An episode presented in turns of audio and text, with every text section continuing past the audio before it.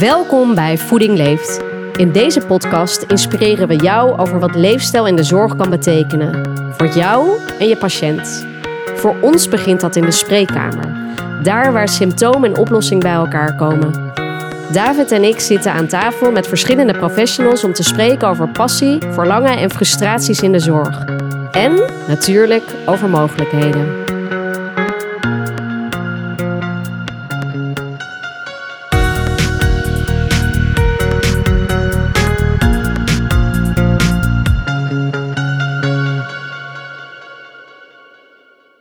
David, we mogen weer vandaag. Geweldig.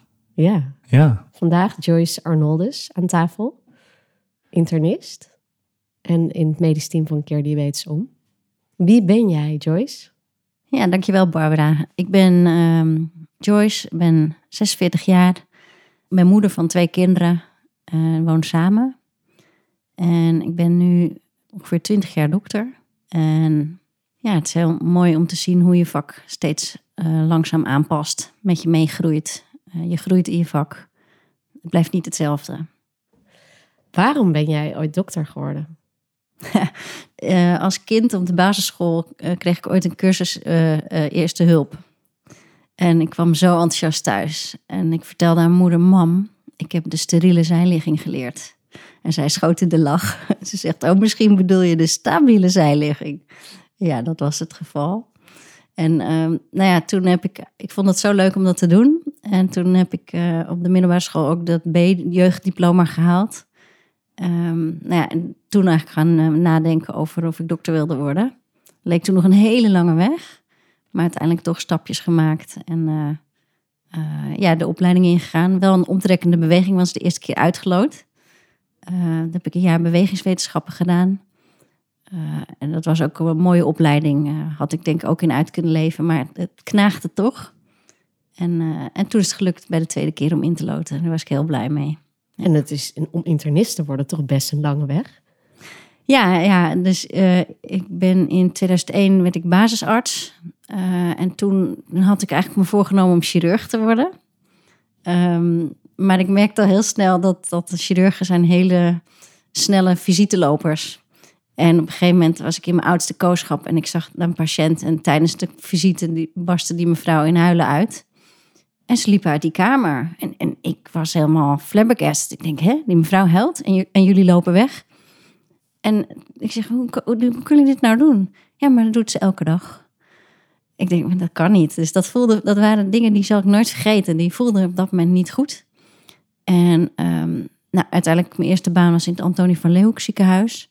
En dat was ja, min of meer artsassistentschap, maar voor interne. Eh, en toen voelde, toen denk ik van, nou, ik, ik wil niet eh, zo'n snelle dokter worden. Ik wil een dokter worden die tijd heeft voor de mensen. En eh, ja, ook dat gesprek in kan gaan. Dus, en toen de opleiding ingekomen. En nog steeds tevreden? Lijkt me best spannend om een keuze te maken die best wel bepalend is, toch? Want je, je, moet, je moet er veel voor doen. Ja, nou ja, ik denk een carrière groeit met je mee. En dat geldt denk ik niet alleen voor artsen, maar voor elk beroep. Ehm, hè, op een gegeven moment kom je in een andere levensfase. Ehm, en en hè, is een academisch ziekenhuis waar ik natuurlijk de laatste twee jaar ben opgeleid, is alles super ambitieus. Ehm, en er zijn, lopen ook wel een aantal internisten rond die daar al een beetje, die wat ouder zijn, die zeggen: Ja, Joyce, dit is enorm investeren, maar dit blijft niet altijd zo. Ik denk, hé, dat zijn lessen die ik dan opgepikt heb van, eh, van die mensen. En ja, je kan je carrière, als je dokter bent, ja, in Nederland heb je zoveel kansen om goed opgeleid te zijn. Ik ben er heel dankbaar voor. Ehm, en dat je eigenlijk met zo'n mooie basisopleiding altijd weer kan schakelen. Eh, en weer nieuwe kansen op je pad kunnen komen. En, en weer op een andere manier kan schakelen. Dus het groeit met je mee. Ja, mooi hoe je dat zegt. Het groeit met je mee. En jij, Ja. jij bent ook enorm gegroeid. Je bent leefstijlinternist geworden. Daar gaan we het zo over hebben, over leefstijl. Maar eerst eens even over jouw eigen leefstijl. En dan een stukje bijvoorbeeld voeding. Wat is jouw lievelingsrecept? Ehm, nou, ik kan niet zo goed een recept noemen. Maar er zijn wel dingen waar ik, echt ehm eh, mij bij van spreken wakker voor kan maken. Ehm, eh, ik hou bijvoorbeeld heel erg van tomaten. Eh, en ik heb in mijn woonplaats in Alkmaar, waar ik woon, ook een volkstuintje. En er is niks leukers dan je eigen cherry tomaatjes kweken in een kleine kas. En dan in die tuin bezig zijn. plukken van die plant, in je mond stoppen en, en weer doorgaan. Weet je, en het superleuk, lekker buiten zijn en eh, eh, ja, dingen zien groeien en, en meteen kunnen eten en dat dan zelf verbouwd hebben. Dat vind ik wel heel gaaf. Ja. Prachtig. En je combineert daar meteen voeding volgens mij met iets anders, hè? met eh, misschien wel ontspanning. Ja, ja buiten zijn. En, maar ook mijn, ehm, ja, toch mijn een beetje bioloogachtige achtergrond. Dat je denkt, hé, hey, zo'n mini zaadje, ik kan daar soms over verwonderen. Dat je een zaadje van een plant hebt. En je hebt natuurlijk een pompoenzaad, super groot is dat. Maar je hebt ook van die, die zie je bijna niet. En dan denk ik, ja, daar gaat een heel plant uitgroeien. eh, een paar maanden later. En ik kan daar elk seizoen weer maar over verbazen hoe dat werkt. Ja, Carrière switch misschien wel. ja dat zou leuk zijn. Ja. Nee, ik vind het gewoon heel leuk dat je... ehm, je hebt een beroep, dat is allemaal leuk. Maar het is ook heel mooi om je in andere eh, richtingen te kunnen ontwikkelen. Ik hou bijvoorbeeld ook van muziek. Eh, ik speel ehm chromatisch mondharmonica. En dat is een, de beste hobby juist voor de winter en de tuin voor de zomer. Ehm, en dat betekent dat je gewoon daarin ook kan groeien. Wat, wat is, eh, ik ben ook een, ehm, een muzikant en ik heb, want charismatisch. eh, Chromatisch, ja. Chromatisch, want ik heb wel eh mondharmonica gespeeld op een blauwe maandag, omdat ik een nummertje graag wou kunnen. Toen zat ik op de middelbare school, skik op fietsen. Ja. Vond ik, vond ik verdomd lastig, de mondharmonica. Maar ik heb nog nooit gehoord van, g- eh, wat is het verschil? Nou, Dus, eh, een- je hebt eh, de kleintjes, dat zijn de, de diatonische. En, dat Ja. is, en de, de chromatische is eigenlijk, iedereen kent Toets Tielemans wel. Ja, En dat is een grotere met een schuifje, waarmee je meer tonen kan bereiken. Want je, die diatonische heeft maar een beperkt aantal tonen. En als je dan in een andere toonsoort speelt, moet je een andere pakken. Eh, en de chromatische, die kan overal mee. mooi. Nou, dat is leuk. Dit, dit leren we dan ook. In Ja. een podcast over leefstijl. Precies. Eh, Wie kookt er bij jullie thuis? Nou, eh, ik denk alle vier wel. Ik heb twee jongens, één van tien en één van dertien. Ehm, nou, het hangt net af wie er thuis werkt eh, van, eh, van mijn man of ik, wie er kookt. Eh, en de kinderen vinden het ook wel eens leuk om wat te bedenken. En die zet ik af en toe ook wel eens aan het werk. Eh ik vind het ook leuk om samen met ze te doen, maar ook gewoon koekjes te bakken af en toe. Ehm, en hun vooral ook daarin te betrekken. Ehm, en soms eh, bedenkt zo'n kind ineens iets heel eh, eh, grappigs.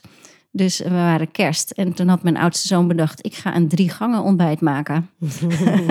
dus hij heeft gewoon in zijn eigen eh, manier... is hij met die voeding bezig geweest... en heeft hij gewoon een drie gangen ontbijt neergezet voor ons. En wij hebben dat lekker over ons heen laten komen. mooi. En wat was het menu? Oei, is dat... Ik geloof in ieder geval een, een wafeltje met slagroom bij. Ehm, en wat had hij nou meer? Nou, scrambled eggs had hij gemaakt. Ehm, nou ja, het was, leuk, het was een leuke volgorde, zeg maar. Ik Oh, wat heerlijk hè? Dat dan kinderen ook die vrijheid. En daar speelt denk ik opvoeding ook wel in, eh, een rol in. Ja, je, je probeert ehm, kinderen wel bewust te maken. Ik ben ook, kan ook een zeurkees zijn, want mijn oudste houdt niet van melk. Maar ja, hij is in de groei, dus ik vind toch dat het belangrijk is. Dus, nou, dus dat hij toch elke dag dat glas melk drinkt. En ja, elk hebben ze een, je lust nooit alles, dus die kinderen lusten ook niet alles. Nou, ik ben heel erg opgevoed met, nou, je mag gewoon dingen niet lusten. Eh, en mijn moeder was daar heel relaxed in. En eh, spruitjes leerden wij eten met een lage appelmoes eroverheen. Eh, maar het heeft wel tot geresulteerd dat ik nu alles lust. Dus ja, mijn opvoedvisie is daar vooral niet spastisch in te doen. Kinderen lekker hun, hun eigen smaak laten ontwikkelen. Eh, bijvoorbeeld kaas. Ik, eh, op de basisschool, ik moest helemaal niks van kaas hebben. Eh, af en toe een blokje misschien, maar niet op brood. Nou, ik ben nu een hele enorme liefhebber van kaas. dus dan, je, je mens, net zoals wat ik net zei over carrière, ook eten en je voorkeuren blijven niet hetzelfde. Je leert ook steeds op oude leeftijd weer dingen eten. Ehm, Ja, je, je bent als kind denk ik ook eh ehm Etienne dankbaar voor. ik weet nog wel dat ik ehm, vroeger, als ik ging je lunchen op, de, op de basisschool bij kinderen... en dan heel veel vriendjes van mij kregen fristie bij de lunch. Want het werd daar gezien als zuivel, denk ik. Ik weet het niet. En ehm, als ze bij mij gingen lunchen, bij mijn ouders... dan was het gewoon water of melk. En ehm, dat vond ik toen heel stom. Ik dacht van, het is gewoon niet cool om nu met eh, om mijn vriendjes eh, melk of water eh, voor te schotelen. Maar ik denk dat ik daar nu heel blij mee ben. Hè? Dat ik veel minder behoefte aan heb. Eh, het is niet dat ik nooit frisdrank drink, helemaal niet zelfs. Maar wel minder dan, dan, dan als ik kijk naar mijn, eh, naar mijn omgeving. Dus ik denk altijd dan, het is goed als ouders het toch wel even, even doorzetten. Hoewel een kind soms kan. Ja, en het is, ik denk dat de laatste tijd, sinds ik moeder ben, is nu een jaar of dertien, eh, merk ik dat dingen aan het verschuiven zijn. En dat ook een, een organisatie als JOG, Jongeren op Gezond Gewicht, daar een aandeel in heeft.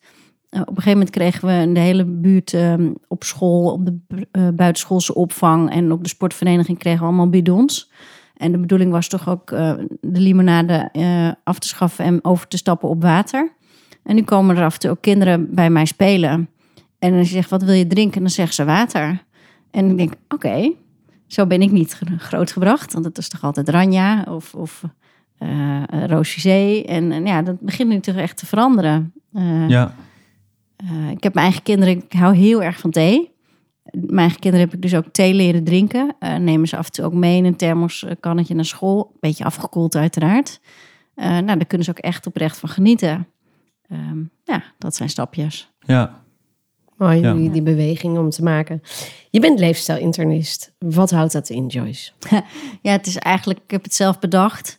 Omdat eh, ik denk dat ehm, in het ziekenhuis, eh, waar ik natuurlijk ook gewerkt heb, eh, we weinig tijd en aandacht hebben om die leefstijl goed te bespreken. Ehm, ik heb lange tijd ook mensen begeleid ehm, eh, die een maagverkleining krijgen. En op het moment dat ik daar werkte, merkte ik dat het heel lastig is om de juiste communicatie te doen om mensen tot verandering te motiveren. En toen heb ik een cursus gedaan, motivational interviewing. En dat heeft heel andere gesprekken opgeleverd bij mij in de spreekkamer. Eh, ik sta meer naast mijn patiënt als coach. Eh, ik vraag naar iemands mogelijkheden. En je probeert heel erg ehm, het, het passend te maken wat je iemand aan kan bieden. En voorheen zat ik in de spreekkamer en dan zei ik, dan pakte ik een briefje en zei van, nou, je moet bewegen, je moet dit en dat. En dan gaf ik als een soort van recept, gaf ik dat, die adviezen mee. Ja, dat werkt gewoon niet. Dan dan ben ik natuurlijk ook, ja, ik kon ook niet goed met weerstand omgaan eh, voordat ik de cursus had gedaan. Nou, ik was zo enthousiast dat ik eh, een verdiepingscursus heb gedaan eh, drie jaar later. Het kost van een dokter ook verandering.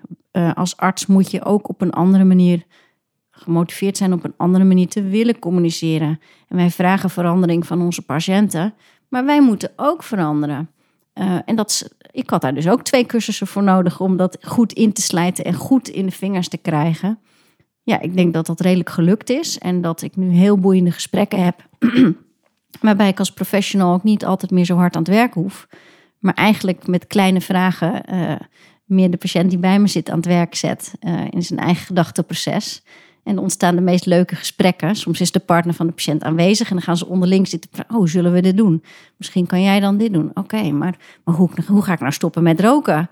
Eh, ja, dan keken ze elkaar aan en ik zeg gewoon de hele tijd niks. en dat werkt gewoon hartstikke goed. Ja, En doe je het altijd, altijd zelf. dus het begeleiden van de patiënt? Of heb je ook van, nou, dit is zo moeilijk of zo tijdrovend, ik, ik, ik, ik stuur het door naar iemand anders of naar... Ja, nee, dat, dat zeg je precies goed, eh, David. Een internist is echt wel... eh, we zitten een beetje in de buurt van een huisarts. We zijn spin in het web. Eh, dus ik heb eh, een goed netwerk. En op het moment dat andere professionals gewoon dingen heel goed in hun vingers hebben... bijvoorbeeld psychologen die mensen beter kunnen laten slapen... door cognitieve gedragstherapie specifiek voor slaap... dan verwijs ik naar zo'n psycholoog. Ja, En dan denk ik, deze patiënt heeft dat nodig. Ik pik het op. Ik heb een stukje kennis daarvan. maar dan vervolgens verwijs je door. ja. Ja. En hoe, hoe, hoe ontdek je bijvoorbeeld zo'n psycholoog? Ga, eh, ga jij googlen wat er in jouw buurt zit? Of laat je informeren door het ziekenhuis, de zorggroep? Of, Ja, dat zijn dingen ehm, eh, die je tegenkomt op, op internet. En dat je denkt, hé, hey, maar daar valt heel veel winst te behalen. We hebben het heel veel over voeding en bewegen. En slaap, ehm, eh, die komt er nog een beetje bekaaid vanaf vaak. Maar daar is ook heel veel te winnen. Ja. Mooi. Dus je bent wel zelf onderzoekend in die zin, denk ik, toch? Ja, Dan? Want ja. ja, Ehm, ja ik, mijn ervaring is ook wel dat, dat, de- dat je als je met, met, met zorggroepen of met, met zorgverleners praat, dat ze vaak niet zo goed weten wat er nou in de omgeving zit. En dat ze weer wel meer zouden willen doen, maar dat ze niet zo goed weten nou ja, waar ze dat dan moeten vinden. Of, eh, ehm, of ja. Ja, eh, ik denk dat dat ook een stukje ondernemerschap is. Ik ben nu arts, maar ik ben ook zelfstandig ondernemer. En altijd nieuwsgierig. En die dingen kun je allemaal met elkaar verbinden. Ja, Ehm, ja, en, en een, goed netwerk wat we steeds uitbreidt. En steeds openstaan voor contacten met anderen. Van goh, hoe doe jij dingen? Ehm, ja, dat brengt je steeds wel stapjes verder. Ja, Ja. samenwerken. Ja, Toch? ja Dat is dat- een van mijn het bedrijf wat ik heb ook heel belangrijk eh, is samenwerken. En we zijn dan heel erg bang om eh, te concurreren. Eh, ja, ik denk, er zijn zoveel mensen die we moeten helpen. Ja, Eh, de kans dat, dat er straks geen mensen zijn die we meer moeten helpen, ja, die kans is eh, helaas klein. Dus laten we vooral samenwerken. Daar, daar valt enorm veel te winnen. ik ben zo blij dat je dit zegt. nee, maar dit is echt precies namelijk wat ik... eh, ehm, ik zet samenwerking met zorggroepen op. In dit geval dan voor keer diabetes 2 om. Eh, en dat gaat heel goed. Dat, we worden echt, eh, bij heel veel zorggroepen hebben we een hele prettige samenwerking. En bij sommigen die zeggen inderdaad van ja, maar we, we werken al met een eh, bepaalde interventie. Of eh, dan denk van ja, eh, wat jij net zegt van ik vind het hartstikke mooi dat ze dat, dat doen. Maar is het voldoende om dit probleem op te lossen? Ik denk dat, we, dat, dat er veel meer moet zijn dan één interventie. Ja, waar je mee werkt. Het is ook zo, het is niet zo, denk ik, dat je als je naar dokter A gaat, krijg je pakket A en zorg A. En ga je naar dokter B, krijg je, eh, want die is daar weer aan gelinkt. Ik denk dat het belangrijk is dat je als arts meerdere opties, hè, de patiënt wat te kiezen heeft. Ja, Iedereen is toch een beetje anders. Ik heb mensen die, die vinden het fantastisch om in groepen begeleid te worden. Maar ik heb ook wel mensen die zeggen, ja, maar daar voel ik echt niks voor. Ik zeg, nou, dan ga ik met jou zoeken eh, naar iets wat wel passend is voor je. Want dingen die niet passen, dat werkt niet. het is toch een beetje zo dat hip, een beetje het hip, nou ik weet niet of, hip het goede woord is, maar de juiste zorg op de juiste plek. Is toch ook een beetje de, de juiste zorg op de juiste leefstijlplek? Ja, Dat met de juiste zorg bij de juiste patiënt. Of bij, ja. Ja, of bij de Ja. juiste, ja. Maar dat geldt inderdaad, ja, dat, nou, wat je zegt, ik ben ervan overtuigd dat het ook voor die patiënt geldt. Ja, Moet wel bij, die, bij diegene passen. zeker. Dus heb je een brede aanbod nodig. Ja, want hoe, hoe kun je nou een, behandeling doen als je er eigenlijk al een beetje sceptisch instapt?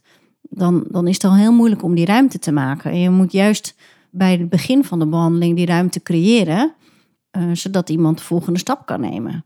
En als iemand denkt, nou ja, maar dit is een groep, dat is eigenlijk niks voor mij. Ja, dan, wie, wie zijn wij dan om zo'n patiënt dat dan op te gaan dringen? Ja. Dan, moeten we, dan moeten we schakelen. Ja, Ja. ja. zeker. Je noemde net de concurrentie. En dat is eigenlijk iets in de zorg wat dan. Eh, het verbaast. Nou, het verbaast mij nu niet omdat ik, omdat ik in de zorg werk. Maar het verbaast misschien wel veel mensen, zeker die niet in de zorg werken. Wat is dat, die concurrentie? Waarom is die er? En is die er eigenlijk wel? Ja, ik denk eh, dat ook wel een beetje ingegeven is door, eh, door de politiek en door hoe wij al, al jarenlang proberen, ja, dat is een soort markt, de zorg als marktwerking. Hè? En dat, dan zie je ook dat er dan op een gegeven moment veel te veel artsen worden opgeleid. Want de gedachte was, laten we veel artsen opleiden. Dan, ontstaat de concurrentie en dan gaat de prijs van de zorg dalen. Ja, dat, dat is toch gewoon niet goed uitgepakt. Ehm, en eh, dan, eh, dan gaan mensen ook minder samenwerken. Dat is niet een impuls om te gaan samenwerken. Ja, ik, ik vind dat geen goede politiek. Nee, dat begrijp ik heel goed dat je dat geen eh, goede politiek vindt. Wat vind je wel goede politiek? Nou, in ieder geval goed kijken ja, wat de belangen zijn. Hè. We kunnen met z'n allen wel allemaal eh, de economie eh, voorop zetten. Eh, maar ik denk dat we het daar uiteindelijk niet mee gaan redden. En dat we meer hebben zien nu hoe, hoe hard iedereen werkt. Mensen werken zich uit de naad, bij wijze van spreken. En je ziet daar op gezondheidsniveau alle slechte gevolgen van. Eh, heel veel mensen raken toch ergens in de loop van hun leven toch een keertje burn-out. Er is weinig tijd om even te lunchen of even te lunchwandelen of, of met je leefstijl überhaupt bezig te zijn. Ja, dus dat, dat is op een gegeven moment wel eindig. En dan moeten we keuzes gaan maken. En keuzes waardoor we misschien iets- iets minder luxe kunnen leven, maar het wel relaxed hebben. En ik heb ooit een stage gedaan in eh, Suriname. En wat frappeert mij dan het verschil? Als je in Nederland vraagt aan iemand hoe gaat het met je, zeggen ze druk. En toen ik dat in Suriname vroeg aan mensen, zeggen ze: Nou, het gaat rustig. ja. Ja, en dat zou je eigenlijk willen. En dat Ja. zou mooie politiek zijn. Ja, nee, de- de- we worden maar opgehaast. En Ja. dat zit heel erg in onze cultuur. en Presteren. En, en ook, ook van jongeren zie ik al dat er enorm veel wordt gevraagd. Eh, jonge mensen die nu al uitvallen, eh, veel te moe zijn, veel te veel prikkels. Ehm, ja, dat, dat gaat een keertje vastlopen. Ja. Ik moest net denken dat je zei, oh, het economische staat voorop. Als we eens naar corona kijken, zonder de hele discussie over vaccin, niet vaccin, dat, dat helemaal loslatend. In hoeverre vind je dat daar genoeg is gekeken naar bijvoorbeeld leefstijl en naar nou ja, de niet-economische perspectieven? Nou ja, het, is ook wel weer een wake-up call, uh, denk ik, de hele coronapandemie. Omdat, je, uh, omdat we heel duidelijk zien wie het kind van de rekening is. En, en de mensen die het ziekst worden, uh, die waren feitelijk al, al ziek. Hè, met mensen met overgewicht die een, een, een hyperactief immuunsysteem hebben, komt die COVID daarbij, gaan ze onderuit. Um, ja, dat is schrijnend om te zien ja, dat, we, dat mensen dan op dat moment zo kwetsbaar zijn. En dat we eigenlijk niet in de gaten hebben hoe ziek mensen soms aan de binnenkant van de motorkap zijn. Je kan een gewicht meten. Dat is eigenlijk de enige parameter die mensen thuis kunnen meten. Uh, maar hoe het verder aan de binnenkant gaat met het overgewicht wat je hebt of die hoge bloeddruk, dat zien mensen niet aan de binnenkant. En zijn vooral heel erg gefocust op zoveel kilo afvallen, bij wijze van spreken. Terwijl met, met vijf kilo afvallen, bij wijze van spreken, je een enorm verschil maakt aan die binnenkant van die motorkap. En je voelt het ook niet meteen, toch? Als patiënt, denk ik. Misschien langdurig overgewicht wel, of, um, maar dat is denk ik ook. Um, je, je kan van ook prima lang roken. Zonder dat je daar klachten aan, aan ondervindt totdat, totdat het een keer echt misgaat. Ja, klopt. En het is, het is eh, voor mensen best lastig om een lange termijns uh, visie te hebben. Daar zijn we kennelijk niet zo voor gemaakt. Um, ja, en het gaat een hele lange tijd goed. En het, de natuur heeft heel veel reserve. Hè? En um, dan hè, bijvoorbeeld als, als een, een, vat in het hart vernauwd is, uh, dan kan hij wel tot 70, 80 procent dichtgaan en je voelt er nog helemaal niks van. Hm. Op een gegeven moment brokkelt één stukje uh, wat dichtgeslipt is, brokkelt af. En bam, dan heb je een infarct. Ja. Dus je hebt heel veel reserve, reserve, reserve. En dan in één keer, dan ja, dan stort het huisje in. Uh, maar dan zijn natuurlijk al heel veel signalen geweest van hé, maar dit is eigenlijk niet goed en we doen er zo weinig mee. Uh, dat is zonde. En, en je ziet dan ook dat als we heel veel medicijnen voorschrijven, dat we het probleem bij de wortel niet aanpakken. Um, en ook soms door tijdgebrek dat we zeggen: oké, we geven een pilletje. Uh, terwijl eigenlijk de leefstijl en wat er aan de grondslag ligt van, van de ziekte die mensen hebben, dat dat vergeten wordt. En je zegt het is zonde. En jij hebt heel veel in je leven geleerd en weet ook, eh, je snapt ook hoe het zeg maar achter de motorkap, zoals je het net noemde. Uh, net zei je ook de mooie woorden, het frappeert mij. Maar ergens voel ik, kan ik me ook voorstellen, frustreert jou dit niet? Dat er dan minder aandacht voor is dan dat er misschien zou moeten zijn? ik denk wel dat, dat er op dit moment wel aan het verschuiven is. En dat die leefstijl beter op de kaart komt te staan nu geleidelijk. Ehm, eh, met name de laatste vijf jaar. En dat vind ik een goede ontwikkeling. En uh, ontwikkeling gaat natuurlijk gewoon geleidelijk. Dus je moet soms ook een beetje geduld hebben. Ehm, en die zorg langzaam en stapjes innoveren. Het gaat gewoon traag. Maar uiteindelijk uh, schuift het wel mee. Ja. Dus er is hoop. Ja, vind ik wel. Ja, ja, ja. Wat is het belangrijkste wat jij zelf, hè, want je, je experimenteert veel, je leert veel. En dat gaf je in het begin heel duidelijk aan. Wat is het belangrijkste wat jij bij jezelf hebt geleerd over leefstijl of misschien over patronen die je hebt en kan doorbreken? Um, ja, dat, uh, wat ik zelf heb geleerd is dat, dat het best lastig is om steeds de focus te behouden. Um, heel vaak dingen die je voorneemt, die versloffen weer. Uh, en dan elke keer zeg dat je, als je zelf een doel hebt gesteld van ik wil dat behalen, uh, dat je dat, uh, dat doel voor in je hoofd houdt. En anders is het gedoemd om te mislukken. Ik heb anderhalf jaar geleden ben ik gestart met intermittent fasting. Dus ik eet nu gedurende acht uur op een dag van de middag tot de warme maaltijd. En daarna eet ik niet meer. Dus dan ben ik ongeveer 16, 14 à 16 uur um, eet ik niet. Dat is heel makkelijk om vol te houden, omdat het is eten of niet eten. Dus dat is heel, heel eenvoudig, echt maar. En het heeft mij veel gebracht. Um, ik had uh, beginnende artrose in mijn handen. en daar ook af en toe pijn van. Dus die gewrichtjes, als ik die aanraakte, voelde toch wel licht ontstoken. Ik merkte het ook als ik iemand een hand gaf. En sinds ik daarmee gestart ben, heb ik die klachten niet meer. Dus dat is toch heel mooi. Ja. Ja. Dat heb je er zelf ervaren. Dat, dat kan me voorstellen dat dat ook motiverend werkt. Zeker, ja. Toch, dat is, dat is denk ik wel waar je mensen graag mee wil krijgen. Om het, eh, je kan zoveel vertellen. Ehm, maar het is ook even, of even, doen en ervaren. En dan, eh, Ja. dat spreekt dan voor zich. Ja, en ik denk je eigen manier vinden. Hè? Want voor jou werkt dan intermittent fasting, voor een ander niet. Voor een ander kan er weer iets anders werken. Ja. En dat is natuurlijk ook zoeken. Zeker. Ja, nogmaals, zorg moet passend zijn. En eh, de een kan, eh, is er toe bereid om, om, om dat te doen. Eh, en voor een ander is dat nog een grote stap. En dan kan het zijn dat hij later toch denkt, laat ik toch die stap nemen. Hè? ehm, dat is ook maar net hoeveel ruimte iemand voor heeft en hoeveel focus en, en wat de motivatie is om iets te veranderen. Je ziet vaak dat motivatie enorm ontstaat als mensen toch plotseling iets overkomt en ze ziek worden. Eh, bijvoorbeeld als ze een hartinfarct krijgen, is dat voor een grote groep een, een wake-up call om dan toch iets te gaan doen. Niet voor allemaal, maar dat is wel een mooi moment waar je als arts of zorgverlener in zijn algemeen dan op kan aanhaken. En juist dat, eh, dat gebruiken om dat gesprek in te gaan. Ja.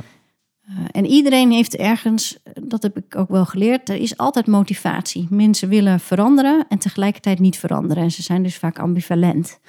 Ehm, en het is als dokter of behandelaar, denk ik, je taak om te kijken van waar zit hem die ambivalentie en waar kan ik die naar boven krijgen in het gesprek.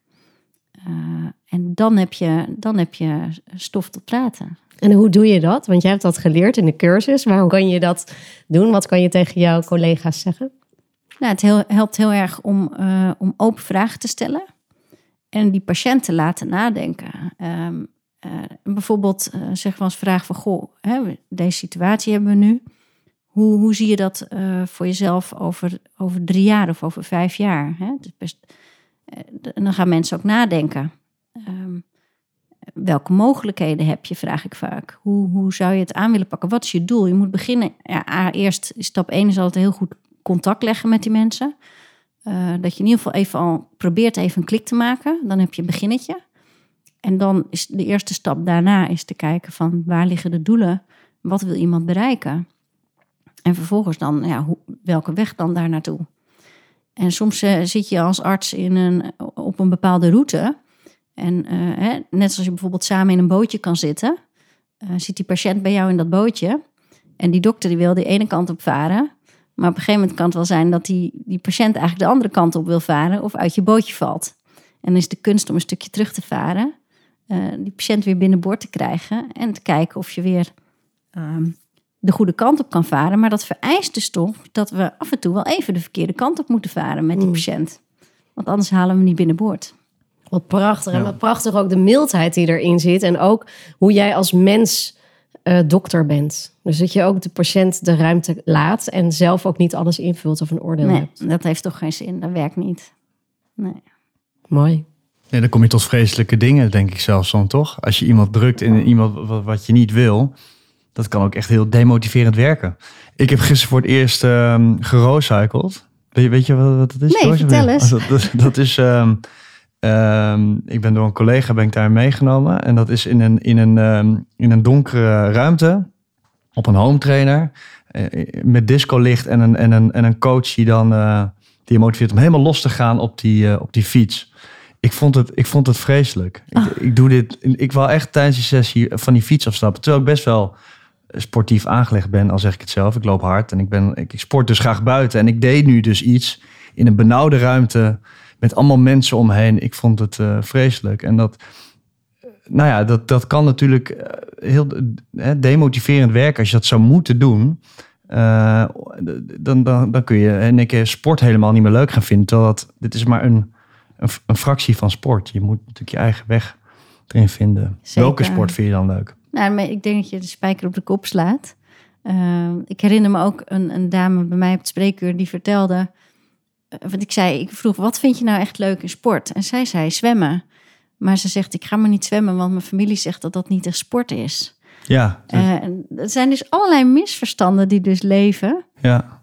Um, en een andere dame die had ook gevraagd, wat is nou je droom? Wat vind je leuk in sport? Nou, dansen. Ik zeg, maar dan ga ik toch dansen? Ja. Um, ja, ja, hoe zou ik dat kunnen doen? En nou, op een gegeven moment ontstond er een plannetje. Nou, en zij ging dansen. Ja, En die sportschool, ja, daar, daar kan je naartoe gaan. Er zijn mensen die dat fantastisch vinden. Een van de laatste keren dat ik er was, dat is al een paar jaar geleden, toen viel me op. En ik werkte op dat moment heel veel met mensen met eh, ernstig overgewicht, obesitas. En ik denk, jeetje, wat hangen hier veel spiegels. Vinden die mensen dat niet confronterend om, om die spiegels te zien? ja. Dus ja, ook ik, net als jij, David, sport liever buiten. Ja, nee, dat, ja, dat is toch ieder zijn eigen ding. Maar Ja. dat is wel, wel grappig, ja. Dat je dat, vooral de dansvoorbeeld vind ik een mooie. Dat dan eh, dat een man of, of een vrouw was het in dit geval. Dat helemaal niet eh mee liet tellen. Dan, Ja, dan, zijn we, dan Ja. zitten we... Dan een verkeerd gesprek, denk ik, inderdaad. Wat heb jij als internist en, het, en leefstijl-internist en het vak wat je zelf hebt gecreëerd, een prachtig vak. En wat heerlijk dat je het dus ook over dansen kan hebben. Ja, ja. ja. Stel je voor dat je een billboard mocht maken die de hele wereld zou zien. En dan specifiek eigenlijk eh, jouw zorgcollega's over de hele wereld. Wat zou daarop staan? Ik zou er wel eens over na moeten denken hoe ik dat in één billboard moet vatten. Maar de boodschap die ik wel in de wereld zou eh, willen roepen, is dat overgewicht en obesitas wel echt een maatschappelijk probleem is. En dat we heel veel die mensen stigmatiseren. Ze daardoor heel erg in een hoek eh, duwen, eh, wat heel veel weerstand oplevert. Ehm, zelfverwijt, zelfkritiek. Mensen voelen zich minder waardig op basis van hun overgewicht. En dat doen wij met z'n allen. En dat vind ik zo schrijnend. Dus als er iets op dat billboard moet staan van... nou, dik ben je niet voor de lol. We moeten dit is iets, een probleem van ons allemaal.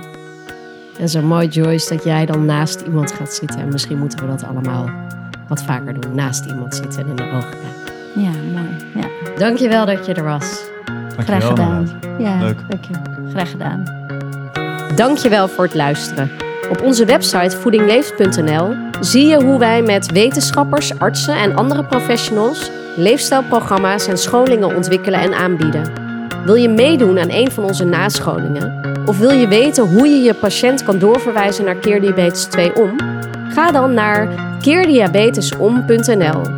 Deze en onze andere podcasts zijn te beluisteren op Spotify en YouTube.